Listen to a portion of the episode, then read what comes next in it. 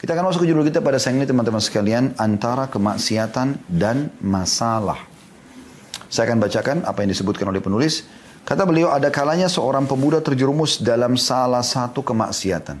Misalnya kita terjerumus dalam kemaksiatan. Lalu dia berusaha sekuat tenaga untuk membebaskan diri darinya dan mencari faktor penyebabnya. Setelah mencoba, dia merasa bahwa itu tidak dapat dielakkan dan bahwa dirinya terjerambak dalam satu problem yang membutuhkan sebuah solusi. Ya. Lalu dia bertanya dan mengadu kepada orang yang dia temui untuk bertanya kepadanya tentang solusi dari problem tersebut dan obat bagi penyakit tersebut. Nah, jadi ada kadang-kadang orang terjebak dalam dosa. Dia mau berhenti merokok tapi dia masih merokok juga. Gimana caranya dia mau keluar? Maka umumnya orang akhirnya bertanya pada orang lain. Kira-kira seperti apa? Mungkin orang yang berpengalaman atau mungkin seorang ustadz. Dia tanya, kira-kira seperti apa nih? Oh, uh, saya bisa keluar dari kemaksiatan saya ini. Pada suatu hari tukang pos kata beliau ya, membawa sebuah surat dari seorang pemuda yang mengadu karena dia terjerumus dalam suatu kemaksiatan. Maksudnya tukang pos membawa sebuah surat yang dia berikan kepada si penulis ini ya. Syekh Abdullah Ad-Duwaish ini ya. ya dia atau uh, tepatnya Muhammad bin Abdullah Duwaish ya. Pada suatu hari tukang pos membawa sebuah surat dari seorang pemuda yang mengadu karena dia terjerumus dalam sebuah kemaksiatan. Dia berkeluh kesah anak muda ini kepada Syekh Muhammad bin Abdullah ini bagaimana caranya saya keluar dari kemaksiatan ini. Saya menulis sebuah surat panjang untuknya yang di dalamnya berisi apa yang saya lihat sebagai solusi syar'i baginya. Lalu dia mengirim surat kepada saya sebagai ucapan terima kasih dan penghargaan. Beberapa bulan kemudian, tukang pos membawa surat lain untukku dengan tulisan dan problem yang sama, tetapi dengan nama yang lain. Ya. Akhirnya, saya tahu bahwasanya dia orang yang sama. Dan saya katakan kepadanya, dia mempunyai solusi yang tersimpan dalam satu hal, yaitu keinginan yang sungguh-sungguh dan tekad yang benar untuk meninggalkan kemaksiatan tersebut. Jadi Syekh Muhammad menceritakan tentang masalah dia pernah mendapatkan sebuah surat dari tukang pos, anak muda menyebutkan namanya, menyebutkan maksiat yang dia lakukan dan dia minta solusinya. Lalu diberikanlah saran. Beberapa bulan kemudian ternyata eh, setelah itu dibalas suratnya ucapan terima kasih. Kemudian tentu ini cerita sebelum ada handphone ya di masa-masa pada saat orang masih banyak menggunakan surat pos gitu. Kemudian berkatalah um, Syekh Muhammad ini bahwasanya beberapa bulan kemudian datang lagi surat dan kurang lebih masalah yang sama gitu. Tapi menggunakan nama yang lain. Maka beliau pun mengetahui permasalahan uh, bahwasanya orang yang menulis suratnya orang yang sama. Masih orang yang sama tapi terjun dalam dosa yang sama lagi. Maka beliau pun akhirnya memberikan gambaran bahwasanya Sesungguhnya solusi yang terbaik dalam meninggalkan dosa yang sedang Anda lakukan adalah tekad dan kesabaran. Itu yang yang yang yang dibutuhkan sehingga Anda bisa meninggalkan dosa yang sedang Anda lakukan itu.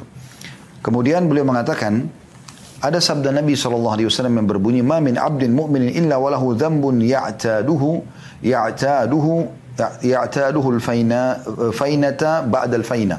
Saya ulangi, ma min abdin mu'minin illa walahu dhanbun ya'taduhu alfaina ba'da alfaina aw dhanbun huwa muqimun alayhi la yufariku hatta yufarika ad-dunya. Innal mu'mina khulika muftinan tawwaban nasiyan idza dzukira dzakar. Artinya tidak seorang pun hamba yang beriman melainkan dia mempunyai dosa yang dilakukannya dari waktu ke waktu. Jadi ada dosa yang kadang-kadang kita tidak bisa luput darinya terulang lagi, terulang lagi. Ya atau dosa yang senantiasa berada padanya yang tidak berpisah darinya sehingga dia berpisah dengan dunia. Ya, jadi dari dosa ke dosa yang lain. Jadi sering kali terjadi begitu. Ya. Sesungguhnya orang yang beriman itu diciptakan kata Nabi SAW sebagai orang yang diuji lagi banyak bertaubat. Artinya ujiannya banyak. Ada orang diuji karena ini, ada orang diuji karena itu ya. Matanya melihat yang haram, telinga mendengar yang haram, mungkin tangannya menjamah yang haram, kakinya melangkah yang haram. Ada saja yang dia lakukan atau lisannya mengucapkan yang haram. Ya. Dan orang mukmin kata beliau, kata Nabi SAW, diciptakan sebagai orang yang diuji, lagi banyak bertaubat, pelupa, namun jika diingatkan dia ingat. Ya. Artinya bukan berarti ini sifat buruk ya, tetapi Nabi SAW seakan-akan yang menyampaikan pesan kepada kita, tidak ada orang yang suci, orang bisa berbuat salah. Kan? Yang penting kembali kepada hadis Nabi yang lain, ya, semua anak Adam berbuat salah, tapi sebaik-baik mereka adalah yang yang bertaubat. Ya. Dan berusaha tidak kembali kepada dosa tersebut. Dan mana hadis ini bukan berarti anda berpegang mengatakan oh kalau begitu hadis Nabi kan jelas masih ada dosa pasti terikat bagi orang beriman. Bukan itu yang dimaksudnya. Artinya orang mukmin itu walaupun dia coba menjaga ada saja dosa yang mungkin dia tidak sengaja lakukan. Misalnya tidak sengaja dia lihat sesuatu yang haram. Kayak kita di Indonesia misalnya. Bagaimana caranya teman-teman kita luputkan pandangan mata kita dari sesuatu yang haram. Kita bukan berarti selalu melihat ya. Tapi mungkin kita sedang jalan ke pasar. Ya. Bukan hanya laki-laki. Perempuan pun misalnya. Pada saat dia sedang jalan dan dia temukan ada ibu-ibu yang tidak pakai jilbab. Bukankah itu kemungkaran? Dia pun tidak boleh melihat itu. Dia tidak boleh membiarkan itu. Tapi kadang-kadang karena sudah ini eh, keadaan negara kita misalnya atau keadaan masyarakat maka kita menganggap biasa. Ya. Nah ini yang dimaksudkan. Jadi bukan dia sengaja memang memprogramkan seperti orang tiap malam ke diskotik, tiap malam ke karaoke, tiap hari mabuk. Bukan itu yang dimaksud di sini ya. Tapi maksudnya ada keadaan-keadaan tertentu di mana orang beriman sudah coba menjaga tapi dia masih terjerumus dalam dosa. Maksudnya dia sengaja atau tidak sengaja. Tapi dia berusaha keluar dari dosa tersebut. Ya, dia suruh, dia berusaha keluar dari dosa tersebut. Dan dia bertaubat dari dosa tersebut. Dan mana taubat artinya kembali kepada Allah dan tidak mengulanginya ya. Kemudian juga dia akan mendapatkan pahala di saat itu dengan taubatnya. Ya. Kemudian juga dia lupa, kadang-kadang dia lupa. Kemudian kalau diingatkan dia mengingat. Ini sifat orang beriman. Kata beliau, yang pertama, kendati pun semua kemaksiatan. Jadi ada solusi dari beliau tentang masalah tekad untuk meninggalkan dosa itu. Beliau mengatakan yang pertama, kendati pun semua kemaksiatan mempunyai beberapa sebab dan pendorong, mempunyai pencegah dan solusi, namun solusi hakiki adalah tekad dan kesabaran. Jadi saya ulangi, kendati pun semua maksiat mempunyai beberapa sebab dan pendorong. Misalnya orang tertarik dengan lawan jenis, misalnya orang mendengar yang haram, misalnya orang e, menjama, misalnya misalnya dan segala macam ya. Mempunyai pencegah dan solusi, tapi dia juga bisa mencegahnya. Namun solusi, ya, dia mencegah misalnya dengan dia meninggalkan.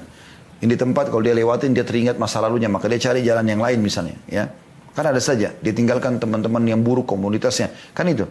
Itu bisa saja terjadi sebagai solusi dalam hidupnya. Tapi beliau mengatakan solusi yang terbaik yang pertama bagi orang yang mau meninggalkan dosa ya, adalah mereka punya tekad dan kesabaran.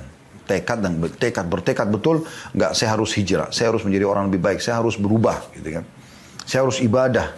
Dia tekankan pada dirinya itu dan kesabaran. Ya, saya pernah jelaskan teman-teman sabar di tiga hal sabar dalam mengerjakan ketaatan karena untuk sholat malam, untuk baca Quran, untuk berzikir, uh, untuk hadir dalam majelis ilmu seperti ini misalnya, untuk untuk segala macam ini butuh kesabaran, ya. Kemudian juga meninggalkan dosa butuh kesabaran, godaan besar. Kita manusia, kita lemah. Kita butuh sabar pada saat datang godaannya, ya. Dan beda pahalanya antara orang yang sedang diuji oleh Allah Subhanahu wa taala karena ada godaannya dan dia tinggalkan dia sabar, dengan orang yang meninggalkan dosa karena tidak ada peluangnya, ya. Dan yang ketiga sabar terhadap ujian harian.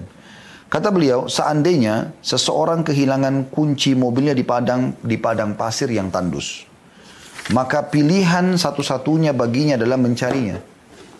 Ya, di padang pasir yang tandus tidak ada lagi orang situ, kuncinya hilang. Lalu apa solusinya? Dia jalan kaki juga mungkin sulit mendapatkan jalan, maka tidak ada jalan lain kecuali dia harus mencari kunci tersebut.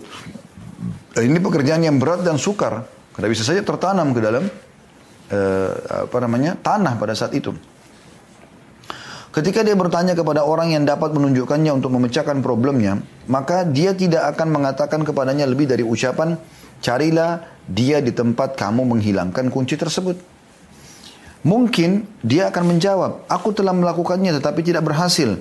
Maka dikatakan kepadanya, kamu tidak punya pilihan lain selain itu. Jadi ini jawaban pertama bagi orang yang terus berbuat dosa dalam hidupnya, tapi dia berusaha keluar. Kita tidak bicara tentang orang yang terus-menerus berbuat dosa karena dia dianggap remeh dosa itu. Ini berbahaya. Menganggap remehnya ini bisa masuk dalam istidraj atau tahapan penyiksaan kalau dia ya uh, terus membiarkan dirinya sementara dia tahu dia harus kembali tapi dia tidak mau kembali. Ya, kita sedang bicara orang yang berbuat dosa tapi dia merasa menyesal dan dia coba keluar ya dari permasalahan tersebut dan kadang-kadang dia masih terjerumus dalam dosa yang sama. Jadi yang pertama tekad dan kesabaran. Bagaimana kita bertekad, udah saya bertekad saya tidak tidak akan mengulangi. Lalu dia bersabar, dia kontrol dirinya. Walaupun dia ingin sekali. Dan yang kedua, orang muslim mengetahui dengan yakin bahwa Allah Ta'ala tidak mengharamkan baginya kecuali apa yang dia sanggup meninggalkannya. Artinya apa yang Allah haramkan ini sebenarnya kita bisa tinggalkan.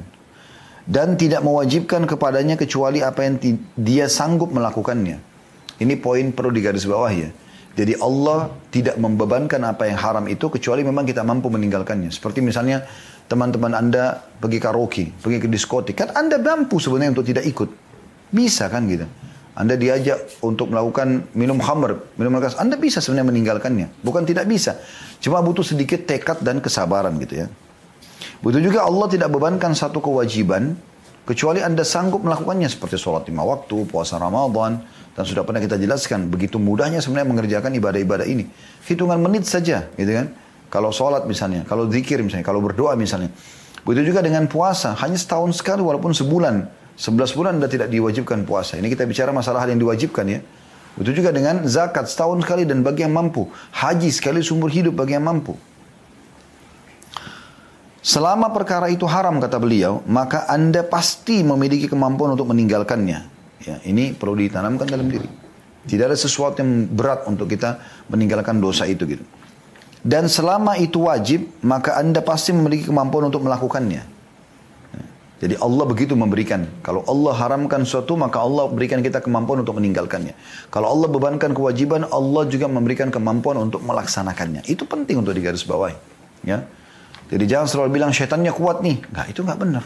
Syaitannya lemah. Karena Allah mengatakan inna kaida syaitani kana dhaifa. Syaitan itu lemah. Ya. Jadi yang bergejolak dalam jiwa ini yang harus kita kontrol. Iblis pada saat dia tidak mau sujud kepada Adam. Kan kita tahu sekarang pimpinan syaitan iblis. Baik, pada saat itu siapa yang goda iblis? Dirinya sendiri bergejolak. Karena jiwa ini kan ada ada uh, cenderung pada kebaikan, cenderung pada keburukan. Tinggal bagaimana kita bertekad dan mengontrolnya. Kita punya tali kekangan untuk memegangnya gitu ya. Butuh juga dengan kewajiban. Pasti Anda mampu mengerjakannya. Allah berikan Anda potensi untuk itu. Kecuali apabila seseorang sampai pada keadaan benar-benar terpaksa. Maka ketika itu beban syariat tersebut gugur darinya. Misalnya dia wajib sholat berdiri. Tapi pada saat itu dia sakit, dia nggak bisa. Maka gugur sholat berdiri. Dia bisa sholat duduk. Duduk nggak bisa, dia bisa baring misalnya. Kan gitu. Ramadan, lagi dia musafir, sakit. Dia boleh ganti di hari yang lain. Kan gitu. Atau misalnya dia hilang akal, gila. ya, ya kan? Gugur darinya syariat. Sampai dia sadar. Sebagaimana orang tidur, sampai dia bangun. Sabda Nabi SAW, Rufi al-qalam an thalatha. Diangkat pena catatan amal, ya amal baik dan juga dosa itu dari tiga dari tiga tiga, tiga orang ya anil majnun hatta yafik orang gila sampai dia sadar anil anil anil sobi hatta yahtadim anak anak kecil sampai dia balik. Wa anil naim hatta yastaqid dan orang tidur sampai dia bangun ya. Kemudian yang ketiga bedakan antara sesuatu yang sulit dan sesuatu yang mustahil. Sulit berarti anda bisa. Mustahil berarti memang anda tidak bisa gitu kan? Antara sesuatu yang berat Anda tinggalkan dan sesuatu yang sulit. Beban syariat di dalamnya pasti ada semacam beban bagi seseorang hamba. Tapi itu adalah beban yang dia sanggupi. Karena Nabi SAW sudah mengatakan, Hujibatin naru bisyahawati wa hujibatin jannatu bil makarih. Neraka itu diliputi dengan syahwat-syahwat. Sedangkan surga diliputi dengan hal-hal yang tidak disukai. Hadis riwayat Bukhari dan Muslim. Artinya, sebenarnya Allah haramkan itu mudah untuk ditinggalkan. Allah berikan potensi untuk itu. Dan sesuatu yang Allah perintahkan mudah juga untuk diamalkan. Ya, mudah untuk diamalkan. Jadi kalau Anda berpikir ya, bahwasanya ini dosa, mustahil saya tinggalkan itu salah. Itu maknanya. Anda pasti bisa tinggalkan. Gitu. Karena tidak Allah Allah tidak haramkan kecuali Anda mampu meninggalkannya gitu. Pasti bisa. Cuman bagaimana kembali ke poin pertama, tekadnya dan kemudian mulai bersabar. Kata beliau, tetapi seorang, seseorang hanya akan diberi pahala karena menjauhi kemaksiatan apabila nafsunya mengajaknya kepadanya. Demikian pula seseorang hanya akan diberi pahala ketika melakukan ketaatan apabila nafsu tersebut membutuhkan darinya suatu amal dan pengorbanan. Ya, subhanallah dengan orang meninggalkan dosa dapat pahala. Ya. Makanya kata Nabi SAW, Man hamma bihasanatin walam ya'malha, kutibalahu hasanatun kamila. Siapa yang niat mengerjakan satu amal baik, Allah catatkan bagian satu amal baik. Anda mau tidur malam, Anda niat sholat tahajud. Anda tertidur pun tetap dicatatkan satu pahala lengkap. Anda niat keluar rumah mau sedekah, tapi Anda tidak sempat sedekah, Anda akan dapat pahala lengkap sedekah. Anda niat uh, pas uh, habis mandi pagi Anda mau sholat duha, Anda mau zikir pagi petang, lalu Anda kelupa, maka juga Anda mendapatkan pahalanya, gitu kan? Fa'in amilha kutabalahu ashru adha'afin ila sab'mi'a du'fin. Kalau dia kerjakan amal soleh itu, dia bangun sholat malam, dia sedekah, dia sholat duha, dia lakukan banyak kegiatan amal soleh yang sudah dia niatkan, maka dicatatkan baginya 10 kali lipat pahala bahkan sampai 700 kali lipat. Wa man hamma bi sayyi'atin wa lam ya'malha kutiba lahu hasanatun kamilah. Dan barang siapa ya kata Nabi SAW niat mengerjakan satu dosa lalu dia batalkan. Sudah saya nggak mau karena saya takut Allah larang itu. Dicatatkan baginya satu pahala. Fa in amilha kutiba lahu sayyi'atun wahidah. Kalau dia kerjakan dosa itu akan dicatatkan baginya satu dosa saja. Bayangkan rahmat Allah luas ya. Niat mengerjakan amal soleh, baru niat dapat pahala. Dikerjakan 10 sampai 700 kali lipat. Berbuat dosa dibatalkan dapat pahala. Dikerjakan cuma dicatat satu dosa saja. Yang keempat, perasaan pemuda bahwa dia jatuh dalam kemaksiatan berbeda dengan perasaannya bahwa dia jatuh dalam sebuah atau suatu problem. Yang pertama merasakan keterbatasannya, kelemahan imannya dan kebutuhannya untuk mengobati penyakit yang sebenarnya. Itu kalau dia buat maksiat ya. Adapun yang kedua, dia sibuk mencari sebab yang sebenarnya dan solusi yang syar'i untuk mencari solusi apa yang dia namakan sebagai problem. Karenanya Anda dapati dia berkata kepada Anda, saya telah mencoba solusi ini, tapi saya belum mampu. Dan saya juga telah mencoba jalan yang ini, tapi saya belum berhasil. Ya. Jadi di sini saya ulangi kembali, poin keempat ini supaya lebih jelas. Perasaan pemuda yang tadi yang bertanya pada dia, dia nasihatin sekarang, dan ini mungkin bisa jawab buat kita juga, bagaimana keluar dari kemelut dosa gitu kan. Perasaan pemuda bahwa dia jatuh dalam kemaksiatan berbeda dengan perasaannya bahwa dia jatuh dalam satu problem. Dia tahu nggak itu dosa? Kalau dia tahu itu dosa, ini akan lebih mudah dia meninggalkan. Kalau dia tahu itu hanya sebuah problem, misalnya ada orang mencuri di kantor, korupsi, nepotisme dan yang sejenisnya, lalu dia berpikir itu hanya pelanggaran kantor saja, bukan pelanggaran agama. Maka dia hanya butuh solusi. Misalnya, dia negosiasi sama temannya, dia negosiasi sama HRD, dia negosiasi sama uh, atasannya, misalnya dia ajukan surat permohonan maaf selesai. Dan dia tidak terbebani dengan urusan akhirat. Maka ini beda. Kalau orang merasa itu adalah dosa, ini akan luar biasa efeknya. Karena dia akan meninggalkan kesalahan tersebut teman-teman, baik diingatkan oleh atasannya, oleh orang tuanya, oleh suaminya, oleh istrinya, oleh anaknya, atau tidak diingatkan, tetap dia akan meninggalkannya. Ya. Kata beliau yang pertama, kalau dia merasakan itu dosa, yang pertama merasakan keterbatasannya, kelemahan imannya dan kebutuhannya untuk mengobati penyakit yang sebenarnya. Sehingga dia sibuk dengan, ini penyakit sebenarnya, sibuk untuk menambah keimanannya. Supaya dia terdongkrak untuk meninggalkan dosa tersebut. Adapun yang kedua, kalau dia hanya anggap ini adalah sebuah problem, dia sibuk mencari sebab yang sebenarnya dan kalau dia beriman dia akan cari solusi syari untuk mencari solusi bagi apa yang dinamakan sebagai problem. Karenanya Anda dapati dia berkata kepada Anda, saya telah mencoba solusi ini tapi saya belum mampu. Dan saya juga telah mencoba jalan yang ini tapi saya belum berhasil. Jadi kalau ada orang menganggap onaninya, ya, berzinanya, ribanya adalah sebuah problem biasa saja, ya, maka dia hanya minta solusi. Misalnya dia pindah ke perbankan syariah, misalnya dia menikah gitu-gitu kan. Itu beda. Tapi kalau dia anggap itu adalah sebuah dosa, dia akan meninggalkan teman-teman sekalian ada solusi atau tidak ada solusi. Karena dia tahu ini adalah kesalahan dan ini yang dibutuhkan sekarang. Untuk meninggalkan dosa itu bukan kita anggap sebuah problem tapi kita anggap itu adalah kemaksiatan kepada Allah SWT. Kata beliau benar, tidak ada raguan lagi bahwa ada perkara-perkara tertentu yang dapat dijadikan seorang hamba sebagai nasihat atau pelajaran untuk membebaskan diri dari kemaksiatan tersebut. Kendati demikian, perkara tersebut tetap tergadai dengan adanya tekad yang jujur dan tanpa keberadaannya tidak mungkin langkah-langkah tersebut dapat membuat sesuatu yang dapat dibanggakan. Artinya, kembali lagi kepada poin pertama di sini, beliau menekankan tentang masalah bagaimana seseorang itu punya tekad yang benar. Jadi gini, eh, teman-teman sekalian, menjadi orang beriman itu indah, indah sekali, ya, karena kita penuh dengan kejujuran, ya, syukur berterima kasih, ya, kita menjaga hubungan kita sama Allah, menjaga hubungan kita sama makhluk, Ya, dan kita tahu kalau kita menjadi orang beriman dan kembali ke jalan Allah, kita akan menjadi orang baik. Karena jujur, amanah, tanggung jawab, bakti sama orang tua, jenguk orang sakit, bantu orang susah. Semua itu kita sibuk kerjakan, gitu kan kebaikan-kebaikan dan kita mengejar keutamaannya. Sementara ya e, kalau kita di sisi lain juga kita meninggalkan kemaksiatan, kita meninggalkan bohong, kita meninggalkan uh, ganggu orang, mencuri, riba dan segala macam. Jadi kita jadi orang yang baik. Ya. Kalau orang yang tidak mau meninggalkan ini semua, teman-teman sekalian ya, nanti dia tetap dalam terus dalam kesalahannya, maka dia akan buruk, pasti buruk. Dan di mata manusia buruk, di mata Allah buruk. Misalnya terus dalam bohongnya, terus dalam uh, ribanya, terus dalam mabuknya dan segala. Ini semua Eh, hal-hal uh, yang perlu digarisbawahi sehingga kita bisa kembali ke jalan Allah SWT. Dan saya harap dalil tadi yang kita sebutkan teman-teman jangan dianggap sekali lagi, jangan ditunggangi. Dan di, dikatakan bahwasanya itu kan Ternyata Nabi SAW mengatakan orang beriman tetap akan terjerumus dalam sebuah dosa yang dia tidak berpisah dengannya kecuali pada kematian. Ini ini dan dia kemudian membiarkan dia tetap dalam ribanya, membiarkan dirinya dalam kebohongannya dan seterusnya karena menganggap ini ini yang difahami dari hadis. Padahal keliru. Sudah kami jelaskan. Maksudnya adalah orang beriman itu bisa saja dia terjerumus lagi dalam dosa yang dia sengaja atau tidak sengaja, tapi belum tentu dosa yang sama, ya kan? Cuman dia selalu berkecamuk dalam jiwanya untuk kembali ke jalan Allah SWT dan beliau coba memberikan solusi itu.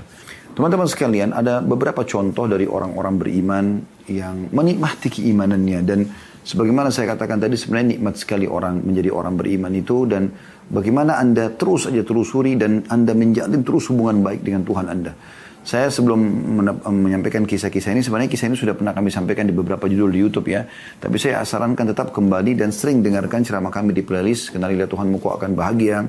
Saudaraku inilah pondasi agamamu. Saudaraku, saudaraku inilah rahasia rezekimu. Ya.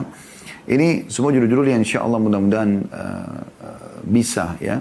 ya. Kita jadikan sebagai pemicu untuk lebih dekat kepada Allah subhanahu wa ta'ala. Uh, dan juga... Uh, ada indahnya menjalin hubungan dengan sang pencipta ya. Uh, ada kisah Muhammad bin Sirin rahimahullah. Ini kisah sudah pernah kami sampaikan tapi saya ingatkan kembali karena saya sangat uh, tersentuh dengan kisah ini. Saya sangat uh, tertarik itu. Muhammad bin Sirin seorang ulama tabi'in yang sangat masyhur. Dan beliau seorang pengusaha yang sukses gitu. Dan ini satu contoh yang positif ya.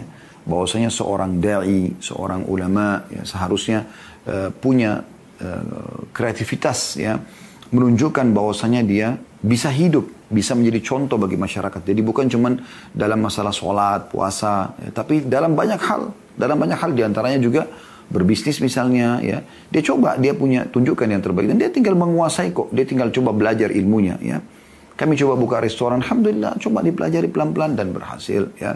Kita coba buka travel, bukalah sesuatu teman-teman dan coba pelajari sehingga kita bisa bisa punya kreativitas. Dan itu kita dicontohkan oleh banyak orang. Di antaranya Nabi SAW yang pimpinan setiap orang beriman. Bagaimana beliau SAW uh, dari umur 8 tahun sampai 21 tahun ya. Uh, itu beliau uh, menjadi pengembala dan itu pun uh, dibayar jasanya karena beliau mengembala dombanya orang-orang Mekah ya. Jadi kalau kita hitung kurang lebih ini sekitar 11 tahun ya, eh, maaf, eh, sekitar eh, 13 tahun beliau menjadi pengembala kambing ya dari 8 tahun di bawah naungan kakek eh, pamannya Abu Talib setelah kakeknya meninggal Abdul Muttalib sallallahu alaihi wasallam beliau menjadi pengembala kambing sekaligus upahnya untuk membantu pamannya yang beliau numpang di rumahnya. Kemudian dari umur 21 tahun sampai umur 40 tahun menjadi nabi. Ini lebih lama ya, 19 tahun beliau menjadi seorang pengusaha. Dan ini uh, umur ini yang jarang disentuh oleh uh, banyak kaum muslimin. Ya, mereka melupakan itu. Mereka kebanyakan cuma mengambil sisi dari ibadah Nabi Shallallahu Alaihi Wasallam saja dan melupakan bahwasanya beliau terkenal juga sebagai seorang pengusaha yang sukses dan bagaimana beliau banyak memotivasi kaum muslimin agar jangan ya bergantung pada orang kecuali pada waktu uh, keadaan dan waktu tertentu saja. Tapi lebih baik, lebih baik mereka coba ber, ber, uh, berkreativitas.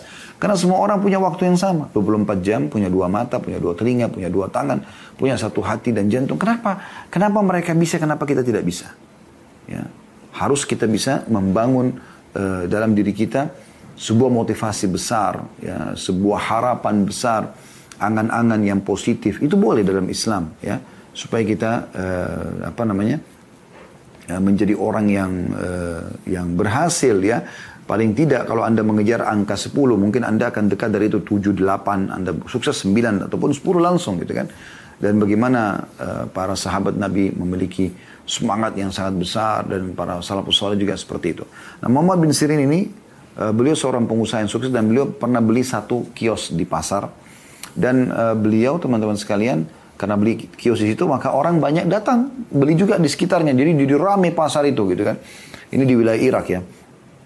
Uh, dan beliau terkenal dengan ahli ta'wil mimpi sebenarnya, rahimahullah. Yang jelas Muhammad bin Sirin rahimahullah ini uh, bukalah uh, apa toko berdagang di antaranya beliau jual madu, jual uh, apa namanya uh, kacang-kacangan, ya keju dan seterusnya. Nah satu waktu uh, dan orang banyak membeli toko di sekitar beliau karena kalau Muhammad bin Sirin ya, ada di situ maka mereka mudah untuk konsultasi masalah agama ya. Dan juga mereka sebagaimana ulama umumnya kita senang melihat mereka melihat saja sudah kita merasa senang ya. Sampai kata Ibnu Qayyim rahimahullah ini dalam uh, poin yang lainnya mengatakan kami kalau merasa iman kami lemah kami datang melihat Ibnu Taimiyah. Dengan melihatnya saja guru kami kami sudah merasa bertambah iman karena mereka orang yang dekat kepada Allah Subhanahu wa taala. Yang jelas Muhammad bin Sirin rahimahullah ini juga uh, seperti tanda kutip ya dinobatkan oleh orang-orang pasar apa yang Muhammad bin Sirin beli mereka beli. Terutama dari makanan ya Kenapa sih Muhammad bin Sirin ini seperti kalau kita sudah majelis fatwa ya kalau beliau lakukan berarti beliau sudah berhati-hati dari hal yang haram. Yang jelas teman-teman sekalian beliau punya kisah unik ya.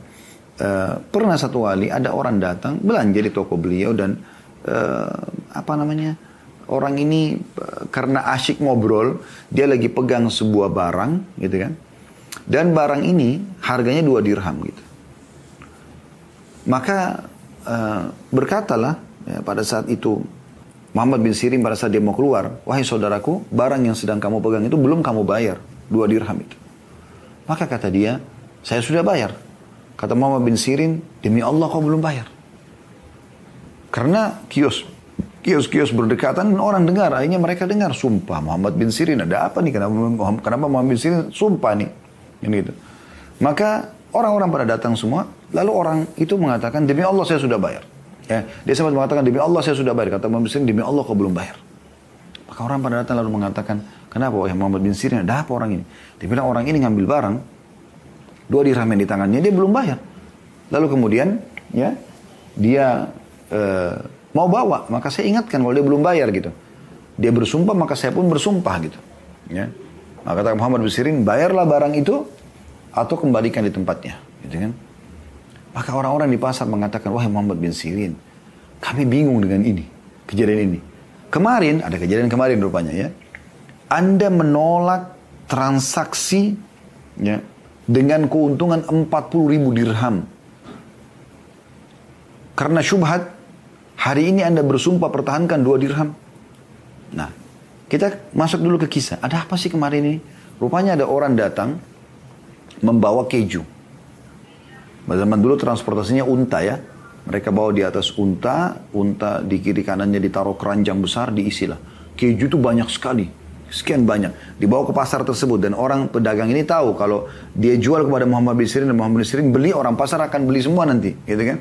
Walaupun mereka orang-orang pasar ini uh, menunggu Muhammad bin Sirin beli, lalu Muhammad bin Sirin boleh jual sama mereka, walaupun dinaikkan harganya. Mereka mau beli, gitu kan? Maka pada saat datang ditawarkan Muhammad bin Sirin, eh, sekian banyak unta yang membawa, memikul di kiri kanan tubuhnya keranjang besar isinya keju. Ya. Dan ini untuk satu pasar gitu kan. Kalau kita sekarang mungkin sekian belas uh, pick up mungkin ya, atau mobil kontainer mungkin yang bawa. Maka dia mengatakan saya mau tawarkan kepada anda wahai Muhammad bin Sirin keju ini silakan anda beli. Uh, saya akan jual kepada anda harganya sekian ya. Anda bisa jual harga uh, sekian dan orang pasar masih bisa jual dengan harga sekian. Karena di luar sana harganya begini. Jadi bisa dengan sampai tiga harga begitu ya. Muhammad bin Sirin beli dengan harga tertentu. Muhammad bin Sirin boleh jual di pasar sudah dapat untung. Dan orang pasar masih bisa jual lagi ke kepada masyarakat umum seperti ini. Dan itu tidak akan kalah dengan harga pasar uh, keju di pasar-pasar umumnya. Maka pertanyaan pertama Muhammad bin Sirin kepada orang tersebut saya siap beli, tapi dengan syarat saya mau tanya, apakah kejumu ini halal? Itu pertanyaannya. Apakah kejumu ini halal? Maka kata orang tersebut, Muhammad bin Sirin, keju, susu, dicampur air, campur garam. Keju, itu apa sih? Ada masalah apa? Kata beliau, keju yang kau bawa ini bukan dari wilayah kaum muslimin. Bukan orang Islam yang buat. Maka mereka biasa menggunakan lemak hewan yang bisa saja haram atau hewan bangkai eh, lemak bangkai. Dan itu haram dalam Islam. Ya, untuk membuat dia lebih kenyal, lebih tahan lama dan seterusnya. Maka kata dia, saya tidak tahu soal itu. Kata Muhammad bin Sirin, kalau begitu saya tidak mau beli. Hanya karena syubhat. Padahal jelas kalau Muhammad bin Sirin ini tidak menggunakan keimanannya. Bukan orang yang saleh teman-teman. Dia bisa menyalahgunakan itu. Udah, dia beli saja. Ya udahlah, syubhat. Bisa saja halal, bisa enggak. Yang penting saya jual gitu ya. Kemudian beliau jual saja kepada orang pasar, untung kan. 40 ribu dirham, banyak sekali keuntungannya gitu. Beliau tolak. Lalu si penjual tadi pergi meninggalkan Muhammad bin Sirin. Maka orang-orang pasar kembali ke kisah tadi mengatakan, kemarin anda menolak 40 ribu dirham. ya 40 ribu dirham karena syubhat, keuntungan. Dan sekarang anda bersumpah mempertahankan dua dirham atas nama Allah lagi. Bagaimana kami memahami ini? Dengarkan jawaban orang-orang beriman teman-teman sekalian. Dia tidak pikirkan dirinya sendiri, tapi dia pikirkan juga saudaranya muslim. Ya. Sebagaimana kita sudah jelaskan pada pertemuan bab yang lalu ya, bagaimana kita tidak boleh menolong syaitan dan tadi sudah kita ingat, ingatkan di awal uh, materi kita supaya jangan lupa perkataan Abdullah bin Mas'ud dan perkataan Abu Darda radhiyallahu anhu majma'in. Bagaimana ya kita jangan menolong syaitan untuk menyesatkan saudara kita. Maka kata Muhammad bin Sirin, iya, saya bersumpah atas nama Allah. Karena kalau dia bawa barang tersebut dia tidak bayar, maka Allah bisa hukum dia dengan itu. Maka saya bersumpah agar jangan saudara saya yang terjerumus dalam siksa Allah. Ya, jadi bukan dia tidak mau memberikan sedekah, bukan. Tetapi karena permasalahan ini. Itu kan luar biasa gitu. Ya. Dan sekian banyak kisah orang-orang soleh teman-teman dan ini kisah Muhammad bin Sirin kalau anda mau kembali anda bisa uh, dengarkan ceramah kami indahnya menjalin hubungan dengan sang pencipta Allah ya ada kisah beliau uh, dengan uh, apa namanya dengan uh, masalah madu juga ya yang beliau buang hanya karena kasus ya apa namanya ya, dimasuki tikus ya. Itu mungkin saya tidak ulangi lagi karena melihat waktu. Tapi ada nasihat beliau yang menarik ya. Beliau sempat mengatakan untuk menasihatin seseorang anak muda. Yang anak muda ini sibuk sibuk sibuk pada saat itu mencaci maki Hajjaj bin Yusuf.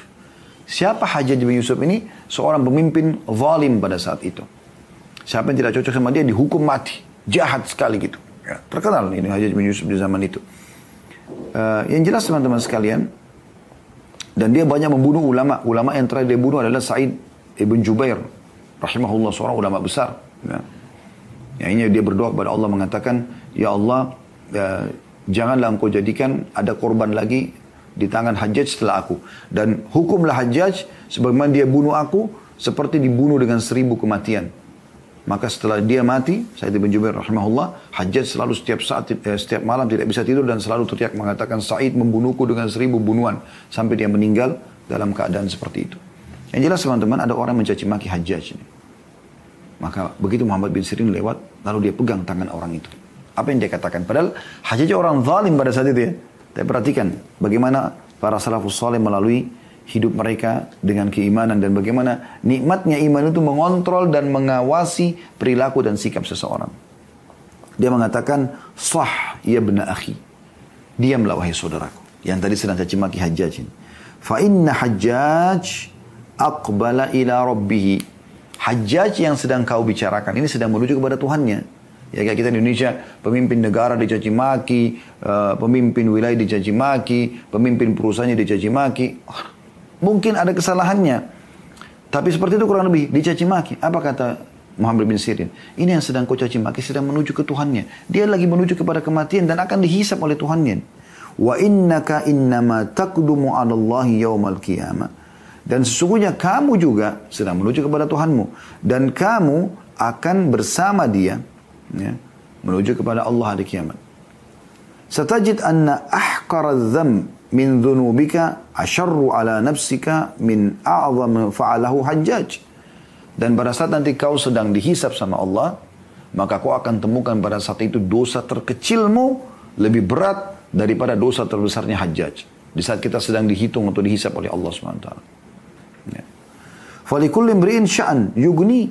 Setiap orang harusnya dia peduli dengan perkara yang harus yang penting bagi dia gitu. Wa'lam anna Allah azza wa jalla sayakhtassu minal hajjaji mimman zalamahum. Tapi ketahuilah dan ketahui dan sadarilah bahwasanya Allah pasti akan memberikan pertolongan kepada orang-orang yang telah dizalimi oleh hajjaj. Akan ambil haknya di dunia ataupun di akhirat. Wa hajjaji mimman yadlimuna. Tapi jangan lupa Allah juga akan menolong Hajjaj memberikan haknya dari orang-orang yang mendoliminya. Sekarang Hajjaj mendolimi orang, lalu kau caci maki sekarang. Baik, cacianmu ini kau berdosa kepada Allah melalui Hajjaj. Hajjaj ini punya hak, kenapa kau caci maki dia? Kenapa kau tidak doakan saja kebaikan? Gitu kan.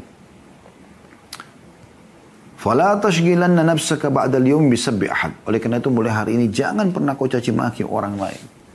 Ya, ini nasihat yang luar biasa gitu ya. Bagaimana nasihat ini perlu kita jadikan sebagai pegangan. Ya. Saya tutup teman-teman sekalian dengan nasihat Urwa bin Zubair rahimahullah. Ya. Beliau mengatakan kepada anak-anaknya, Ya baninya ta'allamul ilma wa'tuhu haqqah. Wahai anak-anakku belajarlah ilmu agama itu dan berikan waktu untuk itu. Innakum in takunu sigara qaumin fa'asallahu an yaj'alakum bil ilmi kubara'il qaum. Kalau seandainya hari ini kalian tidak dikenal, maka dengan ilmu Allah akan jadikan kalian orang terkenal. Karena ilmu agama dibutuhkan. Ya. Wa sawata hal fid dunya akbahu min syaikhin jahil.